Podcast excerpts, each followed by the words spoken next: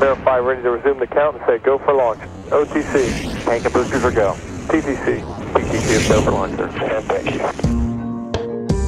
Velkommen til Rumsnak, en podcast om rumnationen Danmark og de danske rumaktiviteter inden for både forskning og forretning. Mit navn er Tina Ibsen. Jeg hedder Anders Høgh Nissen. Spænd selen og start nedtællingen. Vi er klar til affyring. one, zero, and liftoff. All right, uh, lift off and the clock has started. Velkommen til Rumsnak, hvor vi denne gang skal på opdagelse efter nogle af de mindre objekter i solsystemet. Ja, vi kender jo til de otte planeter og solen, og måske også nogle dværgplaneter. Hej Pluto. og måske også nogle måner, men der er meget mere derude i solsystemet. Ja, så vi har talt med Mike Alexandersen fra Harvard University og Minor Planet Center om hans forskning netop i mindre objekter, og hvordan det står til med at kortlægge alle de her små himmellegemer i solsystemet. Derudover så skal vi selvfølgelig også have et par aktuelle nyheder og lidt bonus, og så lidt baggrund om de små rumdimser, som jeg lige har besluttet mig for at kalde dem åbenbart. Det er alt sammen lige her i Rumsnak. Jeg hedder Anders Høgh Nissen, Og jeg hedder Tina Ibsen. Velkommen til. og du er lidt forkølet. Jeg er lidt forkølet. Det kan man måske høre. Ja. Ja, God bedring. Three, tak. two, one, zero, and liftoff. Men inden vi kaster os over dagens emne, så tager vi lige lidt selvpromovering, Tina. Ja, altså som vi har teaset for før, så har vi her den 9. maj forårets sidste rumsnak live, og det bliver i Empire Bio på Nørrebro i København, og emnet er enden på alting. Nu havde vi lige begyndelsen på alting, så vi øh, runder af med enden på alting. Det gør vi nemlig. Vi kommer til at øh, tale om den moderne masseuddøen, måder hvorpå jorden kan gå under, og hvilken skæbne der venter vores univers. Så det bliver super, super spændende med tre veloplagte gæster, og vi slutter aftenen af med en særvisning af filmen Sunshine fra 2007. Det ved jeg er en af dine yndlings, Anders. Ja, det er virkelig en fed film. Øh, Danny Boyle, super flot, og jeg tror aldrig, jeg har set den på et rigtig stort lærred, så det glæder jeg mig virkelig meget til. Som ikke andet, så ser vi den film for din skyld. om ikke andet. Og selv hvis man er lidt ligeglad med at høre rumsnak, så er det, er det meget sjældent, man får lov til at se Sunshine på øh, stort biograflader, så der er en ekstra anledning til at komme ind i Empire, altså den 9. maj. Det skal vi nok fortælle meget mere om, når vi nærmer os. Vi skal selvfølgelig også have et par korte nyheder fra Rumland, men vi lægger lige ud med lidt opfølgning på noget af det, vi har fortalt om tidligere, fordi vi har et par gange nævnt det her firma, der hedder Relativity Space, og deres raket, der hedder Terran 1, hvor 85 procent af delene er lavet på en 3D-printer. Den her raket er også, ifølge firmaet i hvert fald, den første raket med brændstof, der er en blanding af flydende naturgas og flydende ild, som kommer ud i omløb om jorden. I forrige episode, der fortalte vi, at affyringen var blevet scrubbet øh, på grund af problemer med rakettens anden trin, men her den 23. marts, der lykkedes det faktisk at få sendt Terran 1-raketten afsted. Desværre så havde man så ikke for alvor løst problemerne med andet trin, så raketten nåede ikke ud i omløb. Men Relativity Space siger, at de har lært en hel masse af det, og ufortrøden vil arbejde videre på deres 3D-printede raketter. Jeg tager lige en rigtig nyhed, mens jeg er i gang, ikke? så kan du øh, hoste af så længe. Ja. Det var ikke en lydeffekt, det var simpelthen et rigtigt, et rigtigt host, timet fuldstændig øh, øh, præcis der. I virkeligheden så er det her også en slags opfølgning plus en nyhed, fordi det handler om jagten på liv andre steder i universet, og det var jo også noget, det vi talte om i vores seneste episode, hvor vi optog live på SDU og talte om både Big Bang og skabelsesmyter og livets begyndelse. Men altså, der er mange mennesker og mange projekter, der søger liv andre steder. Nogle gange i jagten på signaler fra fjerne verdener, andre gange i mikroskopiske spor efter liv i materiale fra planeter og måner her i vores eget solsystem. Det kommer dog næppe som nogen stor overraskelse, hvis jeg siger, at søgningen efter liv vil være noget nemmere, hvis man vidste, hvor man skulle kigge henne. Hmm. øh, eller rettere, hvis man ved, hvor der er størst chance for at finde spor efter liv, så kan man målrette sin søgning der. Og der er altså en gruppe af forskere fra SETI-instituttet, som har forsøgt at få AI, altså kunstig intelligens, til at hjælpe præcis med at udpege de mest lovende områder, for eksempel på Mars. Og ideen er, ligesom med de fleste af den her slags øh, selvlærende algoritmer, at man træner algoritmerne i det her tilfælde på områder af jorden, som i en eller anden grad ligner de her ørkenagtige miljøer på Mars for eksempel, men som man ved indeholder liv. Og så lærer man det her computersystem at genkende andre områder, som den ikke har set før, som ser ud som om de kunne have spor af liv. Og ideen er så, at man for eksempel kan tage billeder fra kameraer i omløb om en planet eller en måne, eller måske fra rover eller, eller øh, droner, som man har på Mars lige nu. Ikke? Øh, og så lad det her AI-system udpege de steder, hvor chancerne for at finde spor efter liv er størst, i stedet for at tage tilfældige prøver eller ligesom forlade sig på forskernes mavefornemmelser øh, og lade dem udpege de mest interessante steder. De her systemer er simpelthen så gode til at finde mønstre, at de måske kan udpege nogle faktorer i omgivelserne, som vi ikke normalt ville tro havde noget med liv at gøre, men som altså kan vise sig at være øh, en hjælp, når man vil udpege de mest øh, interessante områder.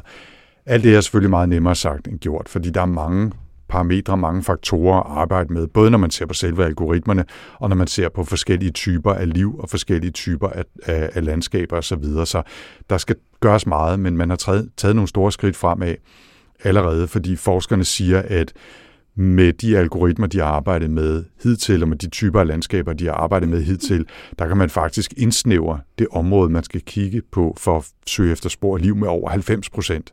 Og det er altså ret meget tid, man ikke spilder ved at kigge efter steder, hvor det er fuldstændig umuligt, at der er liv, eller hvor der er meget lidt sandsynlighed for det. Så der er et stort potentiale her. Ja, som igen, så kan forskerne tage over så for de sidste 10 procent, og så måske lave nogle individuelle vurderinger Præcis. det. Som, som med så mange andre ting, så er det som det bedste system, er som formodentlig en kombination af AI og mennesker. Ikke? Så nævnte jeg også lige, at øh, der var en lille opfølging her også, øh, og den ekstra opfølging er, at jeg faldt i den her sammenhæng over det projekt, som hedder NASA's Ladder of Life Detection, som jeg på en eller anden mystisk grund aldrig havde hørt om før, men som basalt set er en slags schema for, hvilke omgivelser og faktorer, som med stigende grad sandsynlighed kunne skabe betingelserne for liv, eller for at man ville finde liv. Og det blev oprindeligt udviklet i forbindelse med vikingmissionerne til Mars, og så har man arbejdet på det siden, og det har faktisk også været en faktor i det her CT-projekt, ikke? altså hvor de har inkorporeret den her ladder of life detection i deres algoritmer. Så jeg linker til det og til en øh, ret sjov artikel om, øh, om den her, øh, det her skemas historie øh, fra vores show notes, hvis man har lyst til at grave sig mere ned i det. Og så har du en nyhed med os. Jeg har en nyhed, der vi skal selvfølgelig nørde lidt. Ja, det skal vi da, øhm. fordi det her var ikke nørdet overhovedet. Åh, oh, det var nørdet. Det var bare sådan lidt techy-nørdet måske. Ja, det er fint. Ja. nu, skal, nu skal vi astronørde her. ja. øhm, en af de store mysterier inden for forskning i planetsystemer, og særligt vores solsystem, det er, hvor vandet her på jorden kommer fra. Øhm, fordi nogle teorier har fortalt os, at der simpelthen ikke burde være vand her på jorden. Så er der så nogen, der siger, at der, der var ikke vand på jorden, da jorden først blev dannet, men det kom så til for 3,9 milliarder år siden i det, man kalder late heavy bombardment, øh, hvor der var en eller anden form for forstyrrelse i det ydre solsystem. Øh, måske var der nogle af de store planeter, der byttede plads og sådan noget. Det kommer vi måske til senere i dag også. Men det sendte så sådan kaskader af de her objekter ud fra Kuiperbæltet ind mod det indre solsystem, hvor der var masser af is i, og det var så sådan, vandet kom til jorden. Man har kigget på nogle af de her kometer i det ydre solsystem, og kigget på den type af vand, som findes derude, fordi normalt så er vi sådan, at vand er vand. Men vand er nemlig ikke bare vand, når man tænker over det, fordi vand er jo et molekyle, H2O. Det vil sige, det er to brintatomer og et oxygenatom. Men der findes forskellige typer af brint i det her tilfælde, som man bruger. Så der er jo der er det lette brint, og så er der et, et, en type af tung brint, en isotop af, af det tunge brint. Og alt efter hvor meget tungt brint der er i den her, det her vandmolekyle, så giver det øh, så kan det give forskellige typer af vand. Så vi kan have almindelig vand, hvor det er to lette øh, brintatomer, der sidder på. Så kan vi have tungt vand, eller deuterium, som man også kalder det, hvor der så er en af de her tungere brintatomer på. Og forholdet mellem let vand og tungt vand er ret særligt her på jorden. Og det er også noget af det, man har set, at det er det samme i kometerne i det ydre solsystem. Og det har jo så gjort, at der er mange, der kigger på og siger, men, men kunne det så være kometer herudefra, der har dannet vandet herinde? Fordi man ser simpelthen ikke den her sammensætning øh, ved mange andre asteroider i vores solsystem. Men det var en lidt lang indledning og lidt nørdning, øh, som nu får mig til nyheden. Fordi at en forskningsgruppe har brugt det her store ALMA-teleskop i Chile, de her 66 gigaantenner, der står i Atacama-ørkenen, til at undersøge et planetsystem, øh, der er i færd med at blive dannet. Så det er sådan en akkretionsskive øh, omkring den stjerne, der hedder V883 Orionis. Yes. Mm-hmm. øh, og i den her skive, der har man så kigget på, hvad er der for nogle ting, altså hvad der er vand, men man har også kigget på isotopsammensætningen af vand.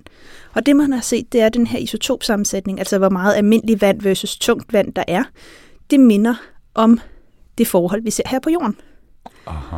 Og det gør jo, at, at de så begynder at spekulere over, mange af de her forskere, det har sådan lidt været en tendens de seneste år, øh, men man siger, men kunne det være, at vandet faktisk var til stede her på jorden? Da jorden blev dannet oprindeligt. Og så vil det jo så altså sige, at vandet ikke kom til jorden for 3,9 milliarder år siden, men faktisk 600 millioner år før, altså da jorden blev dannet. Mm. Og det har jo ret vilde perspektiver for muligheden for, hvornår liv har kunnet dannes her på jorden, fordi der mener man, at vi har brug for flydende vand. Så, så det kan være, at det her er sådan første skridt til, at vi fuldstændig øh, gentegner. Altså det var, da jeg læste, der var det det her late heavy bombardment, der var en af de her førende teorier. Øhm, og det virker som om nu, at, at den her teori med, at at vandet var til stede på jorden, da jorden blev til, for mere og mere sådan, ja, det vinder mere og mere indpas, mm. øhm, så det kan være, at vi, vi ender med at skulle skrive det helt om, og det er ret ja. spændende. Ja, det er da super spændende. Altså, det, er da, det er jo en, en vigtig komponent af vores planets udvikling, og i virkeligheden af hele solsystemets udvikling. Ikke? Og hvis der sker noget, eller hvis vi får ny viden, som gør, at vi faktisk må vende op og ned på nogle, nogle ting, vi hidtil har antaget, så er det da en stor ting. Ja, og, det er, jeg synes også, det er rigtig interessant, fordi at der er virkelig, virkelig mange ting, som med de her nye store teleskoper, der er kommet frem, så har vi jo fået mulighed for at observere nogle ting, der ikke var mulige før. Øhm, og det gør jo lige pludselig, at rigtig meget af den der sådan gammel viden, eller hvad man kan sige, øhm, den bliver omskrevet de her år. Ja. Øh, og det, det er noget af det, jeg synes, der er så fedt ved astrofysik lige nu. At der, altså, der er rigtig mange ting, der bliver vendt op og ned, simpelthen fordi vi får bedre teleskoper. Ja. Jeg har selvfølgelig lige taget en, øh, en nyhed mere med, ikke? og jeg, jeg sidder virkelig og kæmper for at lave en fin overgang, fordi det er virkelig i en helt, helt anden vægtklasse af vigtighed. Til gengæld så men, er men der det kunne være, vi skulle sige, and now for something completely different. A man with a tape recorder up his nose. øhm, men der er faktisk en lille forbindelse, ikke? fordi du sagde, øh, i takt med, at vi får bedre øh, observatorier, kan vi se mere. Og den her historie, den handler faktisk også lidt om, hvorvidt vi faktisk kan se mere ude øh, i, øh, i rummet med vores mobiltelefoner. Aha, det lykkedes at lave en overgang. Det handler om øh, Samsung og det, som er månefotoballaden, i hvert fald i nørdkredse. Vi havde jo en øh, episode om astrofotografi for nylig, hvor Jakob, som jeg besøgte nede på Falster, han fortalte, at man jo sådan set godt kan tage det første skridt i retning af at udforske det at være astrofotograf, bare med kameraet i en mobiltelefon. Det bliver selvfølgelig ikke lige så godt, som hvis man har et stort kamera, og det sidder på et stativ og en motor, som det kan drejes øh, rundt og følge stjernerne osv., men man kan i hvert fald ligesom lege lidt med det, og i hvert fald tage billeder af månen. Og her for nylig, der så det ud til, at Samsung med deres seneste mobiler, S20 Ultra osv., virkelig havde knækket nøden til, hvordan man fik sådan et lille mobilkamera til at tage nogle vilde billeder af månen. Der blev delt billeder derude, hvor, hvor ganske almindelige brugere bare havde taget et snapshot, hvor, hvor man kunne se månen i baggrunden, og så stod den fuldstændig knivskarpt i høj kvalitet. Man kunne se kraterne og den der sådan farvefordeling, og der var virkelig høj detaljegrad af månen. Det gør jo næsten, man har lyst til at købe sådan en telefon, ikke? Det, lige præcis, ikke? Og, og det var selvfølgelig også noget, de begyndte sådan at slå lidt på. Og det ville jo også være fantastisk, hvis man bare kunne tage billeder af andre himmellegemer, månen og, hvad ved jeg, andre planeter, andre planeter end månen, det er flot, planeter øh, ude i solsystemet med sin mobiltelefon, ikke? Problemet var bare, at det ikke var rigtige fotos, eller i hvert fald så satte det gang en stor diskussion om, hvad et rigtigt foto egentlig er, fordi der var en bruger på Reddit, som opdagede, at de her Samsung-mobiler ikke tog et billede af månen i traditionel forstand og viste det. Og de gjorde ikke engang det, at de brugte algoritmer til ligesom at forbedre billedet. Det er jo ellers meget det, man gør, når man tager billeder i lav belysning. Jamen, så er der en hel masse algoritmer, der går ind og prøver at forbedre billedet. Men de tager ligesom elementer, der er der, og prøver at forbedre dem. Og det, som øh, Samsung gjorde her, de var, at de brugte en anden slags algoritmer, som var helt sådan basale, skrabede, gammeldags billedgenkendelsesalgoritmer, som kunne se, hov, her er der nogen, der tager et billede af månen, og så tog de simpelthen et billede af månen, de havde liggende et andet sted og klistrede ovenpå. Så det så ud, som om man havde taget et billede i høj kvalitet af månen, men det var i virkeligheden et billede, som er lagret fra et helt andet tidspunkt og taget et helt andet sted med et helt andet kamera, som de ligesom bare klistrede på, når telefonen genkendte, at her blev der altså taget et billede af månen. Og det fik man ikke at vide på noget tidspunkt? Det fik man nemlig ikke at vide. Det var der en bruger på Reddit, der opdagede, og så måtte de jo ligesom træde et skridt tilbage og sige, nej, nah, men man kan godt slå det fra, og bla bla bla. Ikke? Men altså, øh, jeg vil overlade det som en øvelse til jer derude, hvis I har lyst at diskutere om og hvordan det her er forskelligt fra den måde, vi ellers tager billeder på med vores mobiltelefoner, hvor alting jo altid allerede bliver behandlet algoritmisk på 27 forskellige måder, men er det så mere eller mindre ægte end det, der normalt sker i sådan en mobilbillede? Det er, kan man tage mange snakke hen over mange flasker vin omkring, ikke? men jeg synes i hvert fald, at det er interessant snak, også når man taler sådan i forskningssammenhæng, de her øh, kunstigt farvelagte billeder, som er blevet forhandlet, øh, forhandlet øh, behandlet, og hvor man øh, tager øh, billeder, kan man sige, der er taget i andre spektre end det synlige, og ligesom forsøger at lave noget synligt ud af det. Det er jo også en form for algoritmisk behandling af det, i hvor høj grad repræsenterer det virkeligheden osv. Så, videre. så der er faktisk en lille forbindelse fra det der øh, mobilfotosnyd på Samsung-telefonerne mm. til det store perspektiv. Jeg vil sige, det er måske mere en repræsentation, man viser her, end en direkte, altså at vi går ind og tager noget andet, der ikke er der, ikke? Og, og klistrer ind.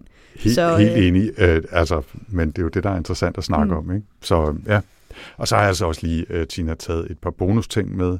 Der, vi, Go for it. Der, der er så meget derude, at det samler sig jo sammen, når vi har en live-episode, hvor vi ikke har nogen nyheder. Ikke? Jamen, jeg, øhm. så, jeg så godt, din liste øh, på, til potentielle nyheder var jo meget længere, så jeg synes faktisk, det var begrænset det ret fint. jeg synes også, at jeg fortjener en lille skulderklap i den sammenhæng.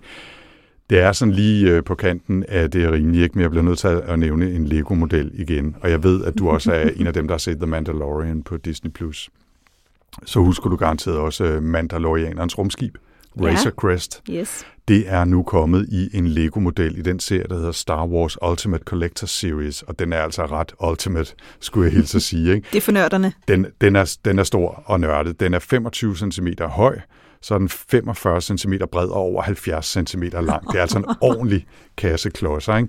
Og den består også af 6.187 forskellige klodser, og den kan åbnes, så man kan se interiøret og placere minifix af Mandalorian og Grogu og øh, et par andre karakterer i serien nede i. Ikke? Hvor mange var det ISS havde, da vi samlede den?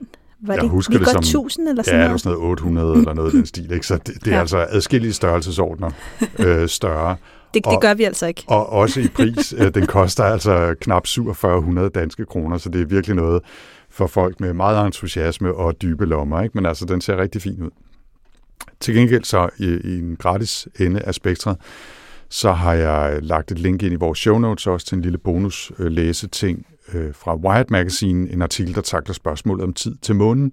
Fordi Tina, hvad er klokken egentlig på månen? Jamen, det er ikke defineret endnu. Nej, det er det nemlig ikke. Så det afhænger af, hvem man spørger, og der er ikke noget officielt globalt aftalt svar derude endnu.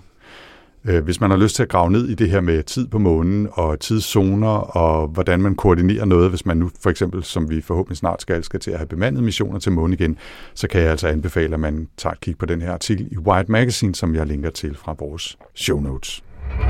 Okay, it's a nice ride up to now. Og så må vi også hellere se at komme i gang med dagens tema, nemlig de mange, mange mindre objekter, som vores solsystem også indeholder, Tina. Ja, fordi der er mange små ting derude, og selvom det ikke nødvendigvis batter så meget i det store perspektiv, så er de interessante alligevel. Hvis vi starter med at kigge på solsystemet, så siger fordelingen af massen altså ret meget om, hvad solsystemet egentlig er. Hvis vi kigger på altså, den samlede masse af solsystemet, så står solen for 99,85 procent af massen. Så hvis vi rundede af til hele tal, så var vi her ikke. Så jamen, der er en grund til, at det hedder solsystemet. Ikke? Altså, ja. øh, planeterne til sammen, de er otte planeter, de udgør 0,135 procent, og så alt det andet, det er 0,015 procent. Det er jo altså asteroider, kometer, dværgplaneter, whatever der ellers er derude. Og hvis vi så sådan, kan man sige, solen er jo interessant i sig selv, det er en stjerne, men hvis vi skal prøve at kigge på alt det, der ligger ude omkring, så, øh, så er det jo sådan en, en proces, der har været. Vi kan jo se fem planeter med det blotte øje, Merkur, Venus, Mars, Jupiter, Saturn. Og alle de andre ting er jo noget, der så er blevet opdaget senere. Og det har jo også gjort, jamen, så man opdager mere, så man også begyndt at diskutere, øh, hvordan vi skal kategorisere de her ting. Forskere kan jo rigtig godt lide at putte, putte ting i kasser.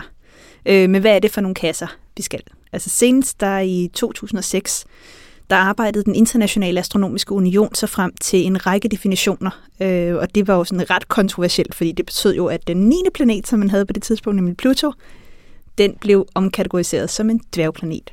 Hej hej. Hej hej. Så jamen, den, det er også fint. Den skulle ikke have lov til at være med. Den var irriterende.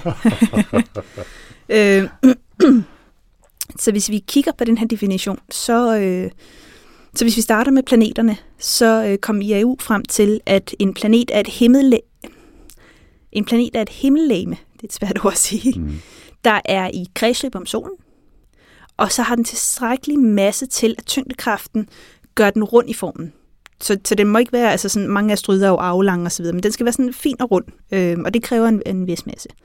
Og så endelig, så, øh, så skal den ligge alene i sin bane omkring solen, det vil sige, den må altså ikke dele sit kredsløb med alt muligt andet. Og det gør jo for eksempel, at asteroider i asteroidebæltet osv. får ikke lov til at være med.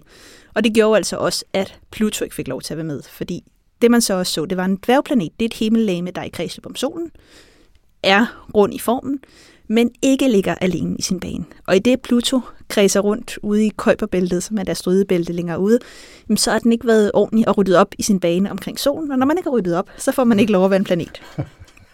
Så vi har også de her fem dværgplaneter nu. Vi har Ceres, der ligger inde i øh, asteroidebæltet mellem Mars og Jupiter, og så har vi Pluto, Eris, Haumea og Makemake, der ligger ude i Kuiperbæltet.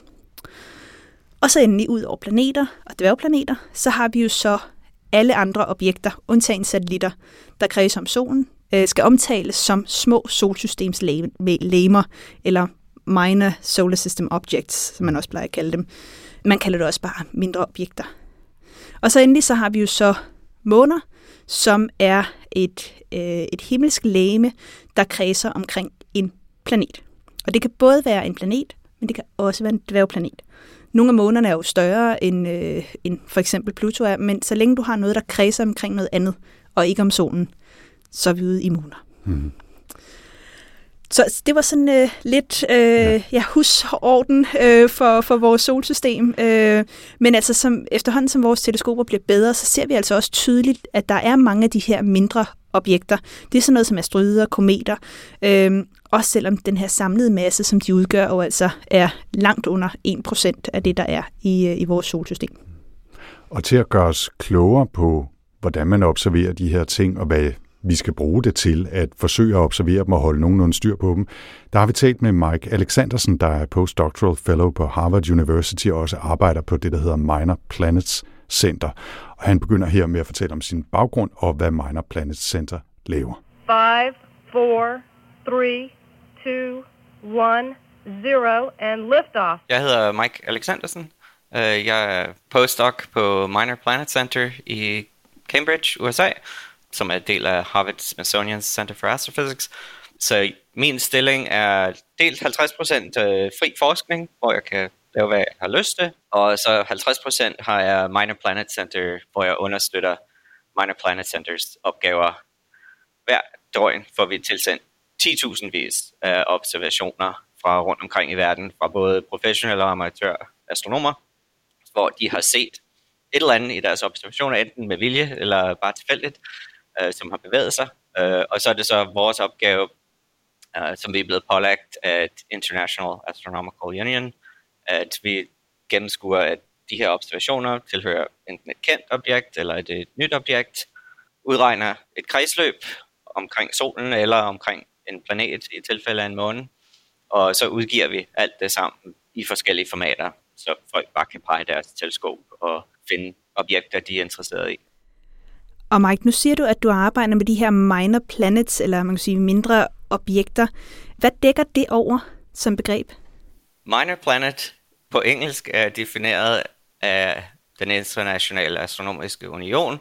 Øh, uh, IAU uh, øh, definerer det som alt i solsystemet, som ikke er solen, og ikke er en planet, og ikke er en komet, og ikke er en måne, og, og ikke er menneskelavet selvfølgelig. Så det er asteroider sådan bredt set.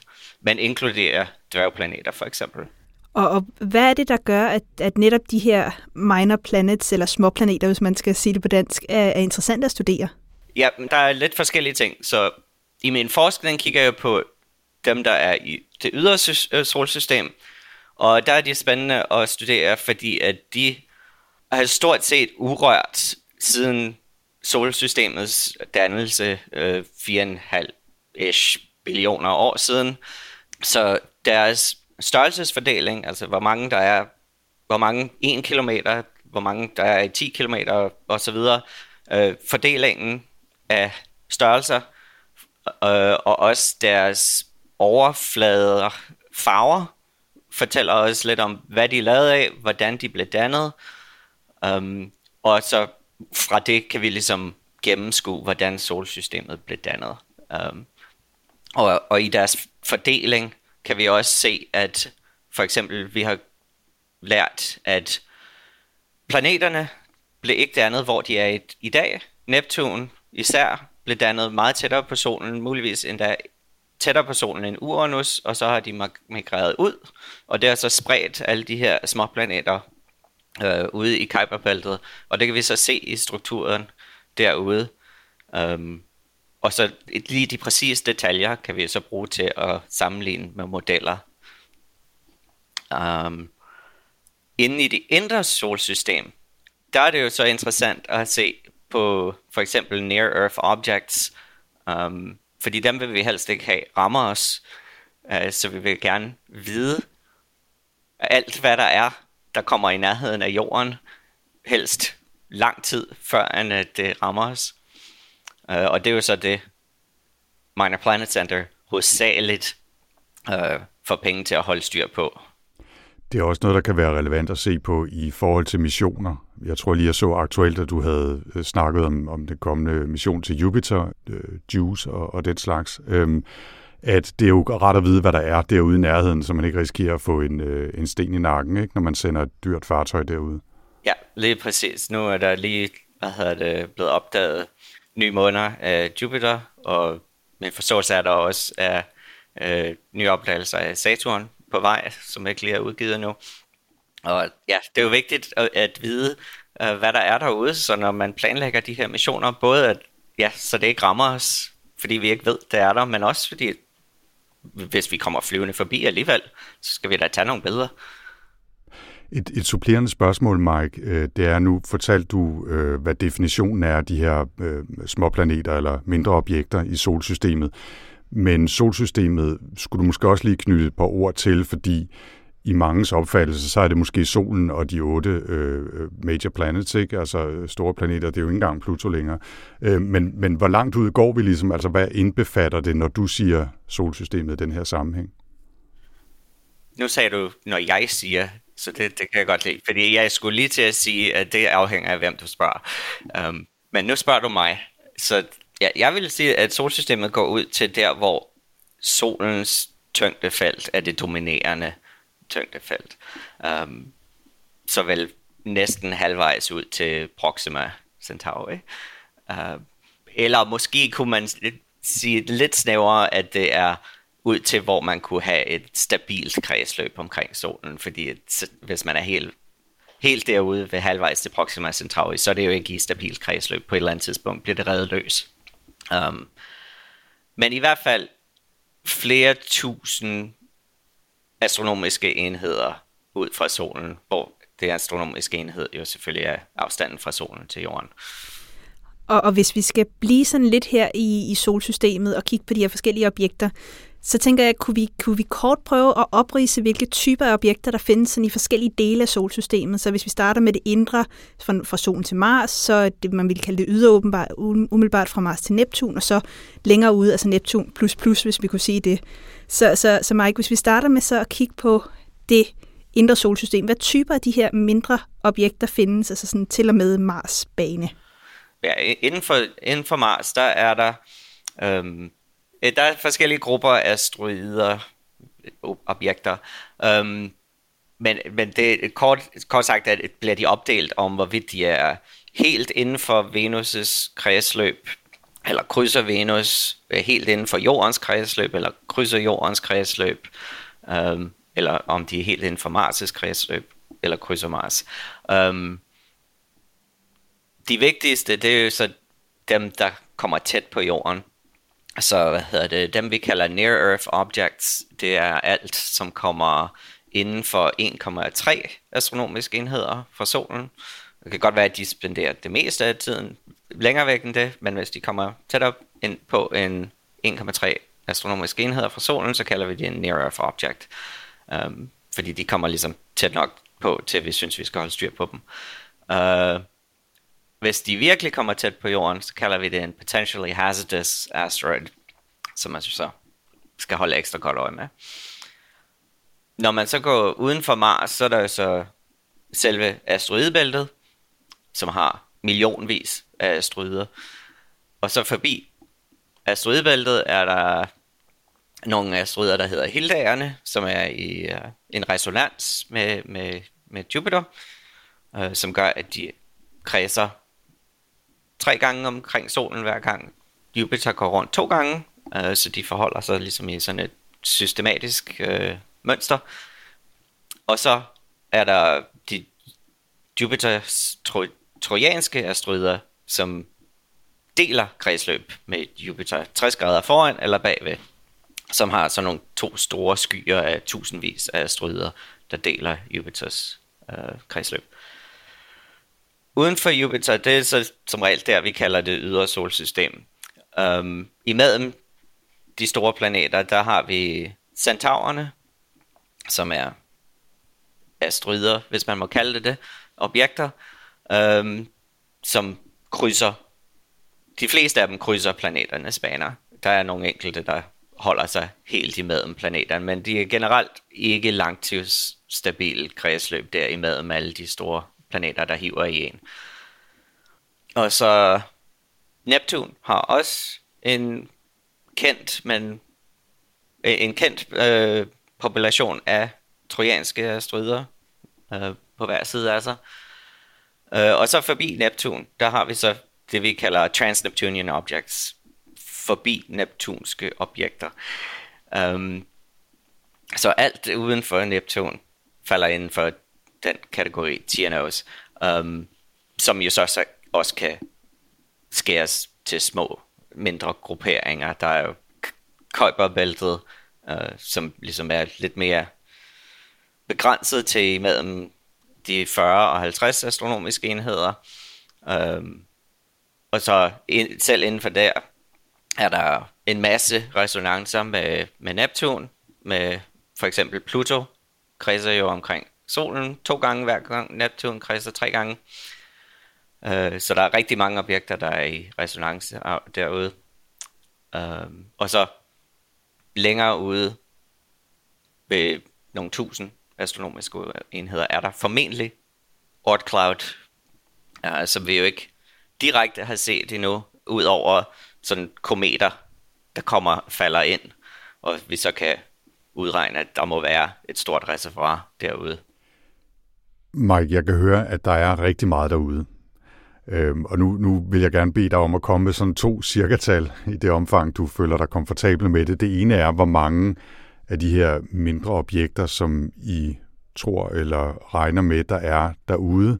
Og det andet øh, tal er så, hvor mange har I ligesom styr på? Øh, har I et eller andet form for katalognummer? Øh, det ene af de tal behøver jeg heldigvis ikke at give et gæt på, fordi det står lige på minorplanetcenter.nets øh, hjemmeside. Um, der er en all-time har vi kortlagt 1,26 millioner minor planets og 4.500 kometer, og så er der også en cirka 200 måneder. Uh, så det, ja, over en million kendte småplaneter. Der er jo mange, mange, mange flere, alt efter hvad størrelse du ligesom vil gå ned til. Med de, nær, de objekter, der kommer nær til jorden, der, der kan vi jo se dem til meget, meget små størrelser. 5 øh, meter endda, hvis de virkelig kommer tæt på. Hvorimod ude ved, i Kuiperbæltet, øh, der er vi måske heldige, hvis vi kan se noget, der er 50 km i diameter. Um, så ude i Kuiperbæltet, der er der cirka 4.500 kendte kataloglagte objekter, um, men der er jo der er formentlig flere objekter ude forbi Neptun, end der er i asteroidebæltet. Um, ved jeg, hvor de, mest, de fleste af den million kendte objekter er. Så der er millioner, hvis ikke milliarder af objekter derude. Og får de som regel bare øh, katalognumre, dem vi kender, eller får de også navne? Det går lidt i skridt, så først får de katalognumre. Det er, det er en af de ting, Minor Planet Center står for. For småplaneterne, der består det af årstallet, det blev opdaget, og to bogstaver, og så et til tre tal. Når det så er blevet observeret i i mange år, og vi ligesom føler, at der ligesom ikke er nogen frygt for, at vi ikke kan finde det igen om 10 år, for eksempel, hvis der ikke er nogen, der kigger på det. øh, så får det et nummer, hvor de, det er bare et sekventeret nummer, øh, så de store asteroider i asteroidebæltet, der starter vi fra 1, 1 2, 3, 4, og nu er vi jo så nået til nummer, uh, vi har lige nummereret nummer 65.000, tror jeg det er. Uh, så de fleste har ikke nummer endnu. Um, men når det så har fået et nummer, fordi kredsløbet er velbestemt, så kan det så få et navn. Og det afhænger så lidt af, hvor, hvor objektet det befinder sig, hvilken slags navn det kan få. Um, men det står Minor Planet Center ikke for. Det er øh, uh, IAU's Working Group for Small Body Nomenclature, der står for at give navne. Um, hvis det er en asteroide i asteroidebæltet, så har den person, der opdagede asteroiden, ret til at foreslå et navn. Uh, og det kan være et navn på en, en levende, levende person. Um, det må bare ikke være ens chef, eller nogen man på andre måder får penge for, fra. Mike, øhm, nu siger jeg lige et, øh, et katalognummer til dig, så skal du lige sige, om det har noget betydning for dig. Hvis jeg siger øh, 2011 QF99, yes, hvad er det så? den kender jeg godt. Øh, det er en u- uranisk tro- trojan, som øh, vi opdagede som del af mit øh, phd afhandlingsprojekt Uh, så det til, til, i min PhD for nu hvad, 10 år, 11, 12 år siden, øhm, der lavede jeg sådan en, en survey, hvor vi kiggede et af de store teleskoper på, på Hawaii op på en lille del af himlen, og, og fandt øhm, lidt over 100 Kuiper Belt objekter øh, og ydre solsystem objekter, så det, hvoraf den ene så viste sig at være i den her en-til-en resonans med Uranus, så den deler kredsløb med Uranus, og det, det havde man ikke set før. Uh, vi vidste, at Mars og Jupiter og Neptun havde trojanske asteroider, men det var ikke set før med Uranus. Um, så det, det var meget sejt, og det fik vi så udgivet i Science. Uh, hvilket var meget fedt for en øh, uh, PhD-studerende. Ja, det, det er super cool. Og nu skal jeg nok lade være med at kviste om alle mulige andre katalognumre i håbet om, at du kan, kan dem lige så godt. Men nu vidste jeg jo så tilfældigvis, at det var en, uh, et objekt, som havde en særlig betydning for dig. Har du fået lov til at navngive nogen så, uh, Mike, af dem du har fundet, eller? Nej, fordi at navngivningsproceduren i det ydre system, øh, ydre solsystem fungerer anderledes inden for asteroidebæltet. Ude i det yderste solsystem i Kuiperbæltet, der er der forskellige regler for, at de skal være navngivende efter øh, guder fra forskellige mytologier. Øh, så der, der får man ikke lov til at navngive det efter, efter personer, man kender. Og der er vist ikke nogen af dem fra min phd øh, afhandling, der er blevet nummereret, og derfor er klar til at blive navngivende helt endnu, men det forventer jeg egentlig godt snart kunne starte og begynde at ske. Uh, så jeg skal begynde at tænke over sådan nogle mytologiske navne. Jeg tror desværre ikke, Tina er et mytologisk navn. Nej, det er heller ikke sikker på, Anders er. men, men det sagt, så i hvad hedder det, 2010, lige i starten af min PhD, der hvad hedder det, opdagede jeg sammen med min vejleder og nogle samarbejdspartnere, øh, der opdagede vi to nye måneder af Jupiter. Og dem, der har vi lige foreslået navne øh, til IAU. Øh, så der håber vi, at de godtager de navne. Og det, der, der skal det også være, der, månederne af Jupiter, der, det skal være kvinder, der på en eller anden måde har en association til Jupiter eller Zeus i den græske og romiske øh, mytologi. Okay. Okay, it's a nice ride up to now. Mark, lad os, øh, lad os lige prøve at, at skifte øh, blik på det her et øjeblik. Øhm, når vi kigger på de her små objekter, og især jo længere vi kommer væk fra der, hvor vi selv er, så bliver de sværere og sværere at observere. Hvordan observerer vi dem overhovedet? Altså, hvordan kan vi se noget, der er så småt og så langt væk? Ja, men det, det er netop svært, øhm, fordi de udgiver jo ikke lys selv.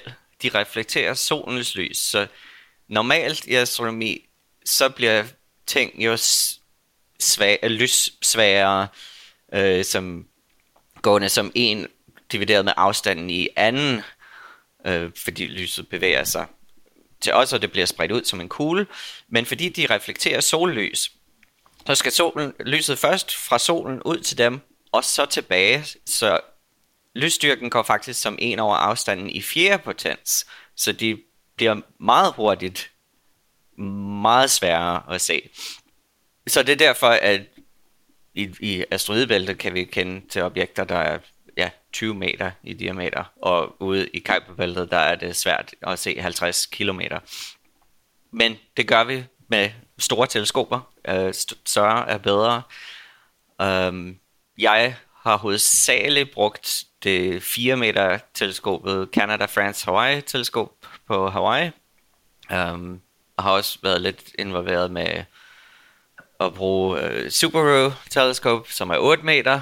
Så, så ja, store teleskoper. Um, så kan vi kigge lidt dybere, hvis vi så... Vi, øh, ude i det ydre solsystem har vi den fordel, at objekterne bevæger sig langsomt. Så vi kan trods alt tage længere eksponering. Øhm, um, inden i det indre solsystem, der bevæger tingene så, så hurtigt, at der bliver man nødt til at tage meget korte eksponeringer. Fordi ellers så bevæger de sig bare, og så kan man jo reelt ikke se dem, fordi de bare bliver tværet ud. Men ude i ydersølsystem kan vi godt tage 5 minutters eksponeringer, uden at det ligesom, hvad hedder det, de forsvinder. Så kan man så komme endnu længere ved, at man faktisk tager mange billeder, og så kan man ligesom med en forventet bevægelse øh, bevæge alle de billeder, så de ligesom følger det objekt, man gerne vil kigge på, eller som man tænker måske er der, og så lægger man dem sammen.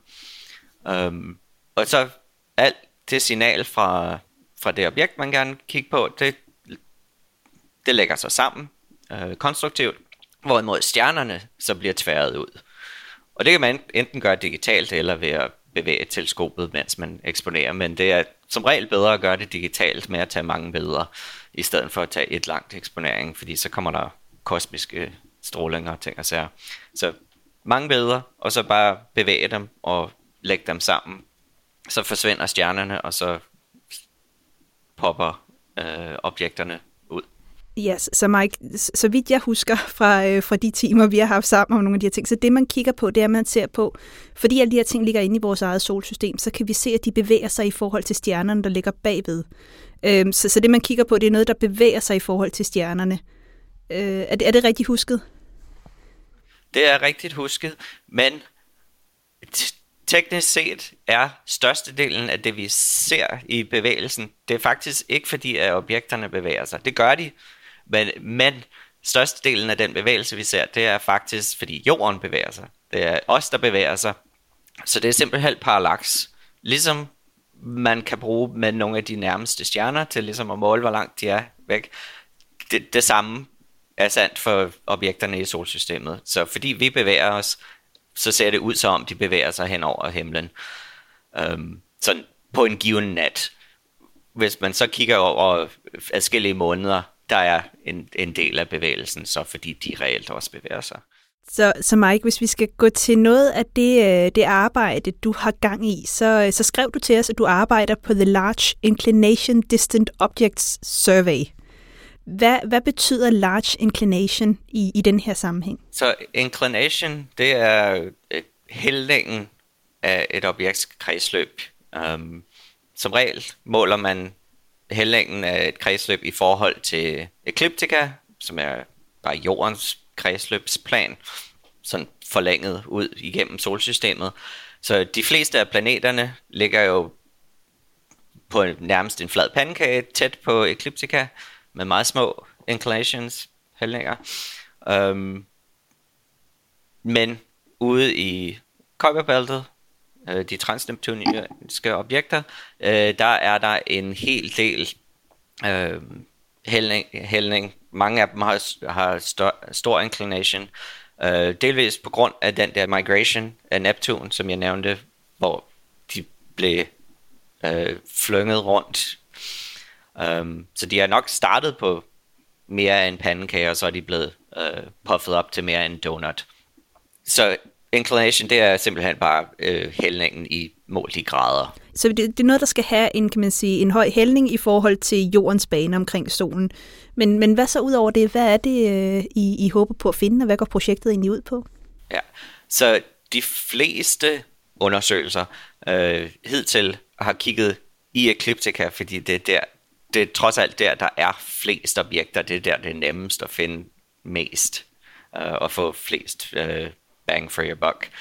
Så her har vi så lavet en survey, hvor vi kigger 15 grader over og under øh, Ecliptica på 20 kvadratgrader øh, grader i hver sted, øh, for netop at prioritere de høj inklinationsobjekter.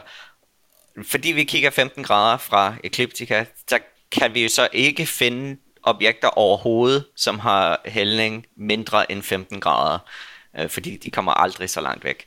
Men til gengæld finder vi så flere af de her høj, høj inclination objekter.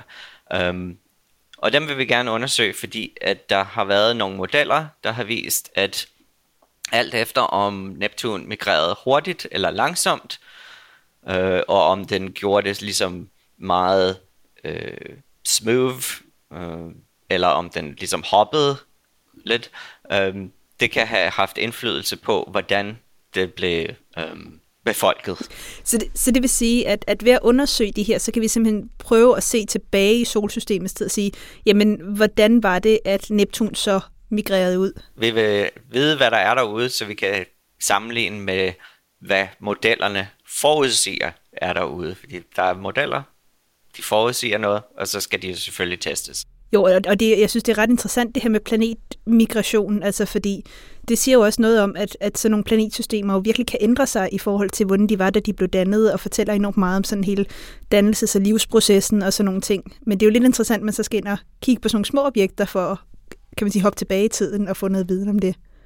Det, det skinner jo til, at vores solsystem ikke har været så statisk, som man måske har troet for ja, 50 år siden, måske endda mindre, hvor vi jo troede, at vi forstod, hvordan solsystemet dannede, og det må jo være sådan, også andre planetsystemer blev dannet, og så fandt vi eksoplaneter og så, at de overhovedet ikke lignede solsystemet, og måske havde vi ikke forstået det hele alligevel. Så nu prøver vi så at forstå, hvordan solsystemet blev dannet igen. 5, 4, 3, 2, 1, 0, and liftoff. Og det var altså her Mike Alexandersen fra Harvard University og Minor Planet Center, der fortalte fra Cambridge, Boston, Massachusetts, USA. Ved siden af teleskopet. Solsystemet. og med det er Rumsnak landet for denne gang. Hvis du vil vide mere om de ting, vi har talt om i den her episode, så husk at tjekke vores show notes til podcasten, hvor vi linker til meget mere, både nyheder og minor planets. Og så vender Rumsnak selvfølgelig tilbage igen. Næste gang skal det handle om et eller andet. Vi ved ikke helt. Vi har lige en, øh, ja, en ferie imellem og så videre, så vi går i, øh, i planlægningsmode, øh, men det bliver helt sikkert spændende. Det kan vi love. Det, det tør vi faktisk godt love. I mellemtiden så kan man hygge sig med gamle episoder om rumsnak, eller man kan holde øje med, hvad, hvad vi laver øh, inde på Facebook, på Instagram eller på LinkedIn. Man kan også læse meget mere om os på vores egen hjemmeside rumsnak.dk, hvor vi også har en lille butik med rumsnak merchandise. Hvis man ellers har spørgsmål eller kommentarer til os, så kan man skrive til infosnablagrumsnak.dk eller på vores sociale medier. Rumsnak er støttet af Novo Nordisk Fonden og bliver produceret af Potlab. Jeg hedder Tina Ibsen. Og jeg hedder Anders Høgh Nissen. Tak for denne gang. Thank you.